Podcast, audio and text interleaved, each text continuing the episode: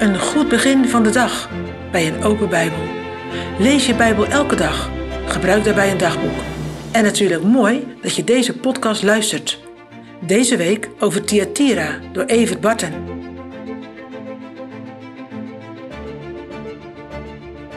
In de vorige aflevering hebben we gezien dat de Heer Jezus als de Zoon van God de gemeente van Thyatira prijst voor haar liefde, dienen, geloof en leidzaamheid. De volgende drie versen gaan over een valse profetes, een influencer. Daar gaan we het vandaag over hebben. Ik lees je eerst Openbaring 2, vers 20 tot 23. En daar staat: Maar ik heb enige weinige dingen tegen u, dat gij de vrouw Izebel, die zichzelf zegt een profetes te zijn, laat leren en mijn dienstknechten verleiden dat zij hoereren en afgodenoffer eten. En ik heb haar tijd gegeven, opdat zij zich zou bekeren van haar hoerarij. En zij heeft zich niet bekeerd. Zie, ik werp haar te bed. En die met haar overspel bedrijven in grote verdrukking, zo zij zich niet bekeren van hun werken. En haar kinderen zal ik door de dood ombrengen. En al de gemeenten zullen weten dat ik het ben, die nieren en harten door het onderzoek. En ik zal u lieden geven een iegelijk naar uw werken. Nou, dat is opeens een andere toon, vind je niet? Is dat positieve over liefde en zo, en nu dit. Wat is God toch eerlijk? Hij vergoelijkt slechte dingen niet door de goede dingen die er zijn. Misschien een leerpunt voor jou? Als je een zonde hebt gedaan en daarna ga je ijverig in je Bijbel lezen en je doet nog wat goed voor een ander, ja, dan voelt die zonde vaak toch wel net wat minder erg, toch? Leer uit deze brief dat God zo niet naar jou kijkt. De Heer Jezus is eerlijk en ziet zowel de goede als de slechte dingen in het leven. En hij vindt daar iets van.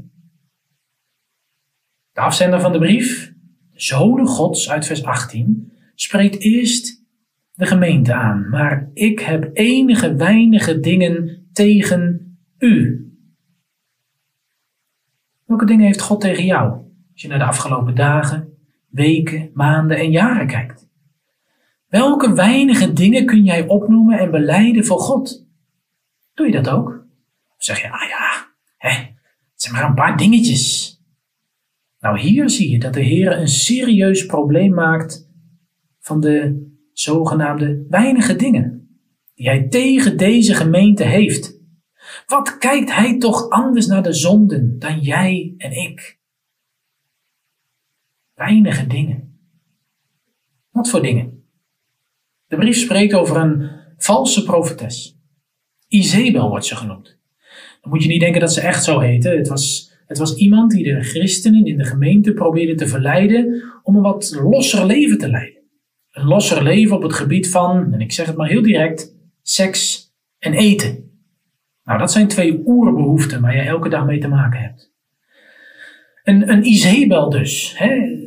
Izebel was natuurlijk de vrouw die het volk in de tijd van Agap verleidde om de Baal te dienen. Nou, nou zo'n vrouw in de gemeente van Thyatira.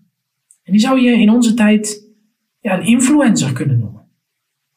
Je moet je voorstellen dat er in de stad allerlei beroepsgroepen waren. Mensen die met purper bezig waren, hè, denk maar aan Lydia, de purperverkoopster die kwam ook uit Thyatira, maar ook mensen die met koper werkten. Al die beroepsgroepen hadden hun eigen afgod. En je moest lid zijn van zo'n groep om serieus genomen te worden.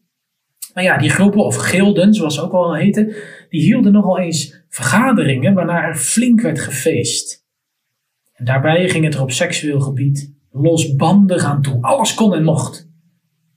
En het eten, ja, dat werd natuurlijk ter ere van de afgod opgediend. Ja, zeg je, dat was vroeger. Nou, het is misschien actueler dan je denkt. misschien heb je ook wel eens voor zo'n lastige keuze gestaan. Ga ik wel of niet mee naar een eindejaarsborrel bijvoorbeeld? Waarvan ik weet dat het er werelds aan toe gaat. Ja, als ik niet meega, dan zou ik mijn baantje wel eens kwijt kunnen raken. Of wat zullen mijn collega's dan wel niet zeggen? Ja, de vraag daarbij is, door wie laat je je beïnvloeden? Daar legt deze brief de vinger bij. Laat je niet beïnvloeden door de wereldse Izebel. Want ja, zij gaat eraan als ze zich niet bekeert. Hoor je dat? Als ze zich niet bekeert. Oh, wat een onvoorstelbaar geduld. Wat een langmoedigheid laat de Heere zien in deze verse. De Heere heeft deze slechte influencer tijd gegeven opdat ze zich zou bekeren. Ze heeft het niet gedaan, dus de Heere straft haar, samen met degene die zich door haar laten beïnvloeden. En waarom straft hij haar? Opdat ze zich alsnog zouden bekeren. Kijk maar aan het einde van vers 22. Zie het, wat een genade. Wat is de Heere toch traag tot toorn. Maar, dat is ook eerlijk, onbekeerlijkheid kan de Heer uiteindelijk niet ongestraft laten. Dat blijkt wel uit vers 23. Hij zal die Izebel en al haar kinderen, dat, je moet je voorstellen, dat zijn haar volgers, ombrengen door de dood. Schrikkelijk. En tegelijkertijd gebruikt de Heer dit oordeel om te laten zien dat het waar is wat hij aan het begin van deze brief zei. Ik weet uw werken. Want er staat, en al de gemeenten zullen weten dat ik het ben, die nieren en harten onderzoek. En ik zal u lieden geven een iegelijk naar uw werken. Ik zou zeggen, neem deze woorden toch serieus. Nou, je hebt weer voldoende om over na te denken. Een influencer die negatieve invloed heeft op de christelijke gemeente. En het loopt met haar en haar volgers niet goed af. Leg daar jouw kijk- en luistergedrag eens naast.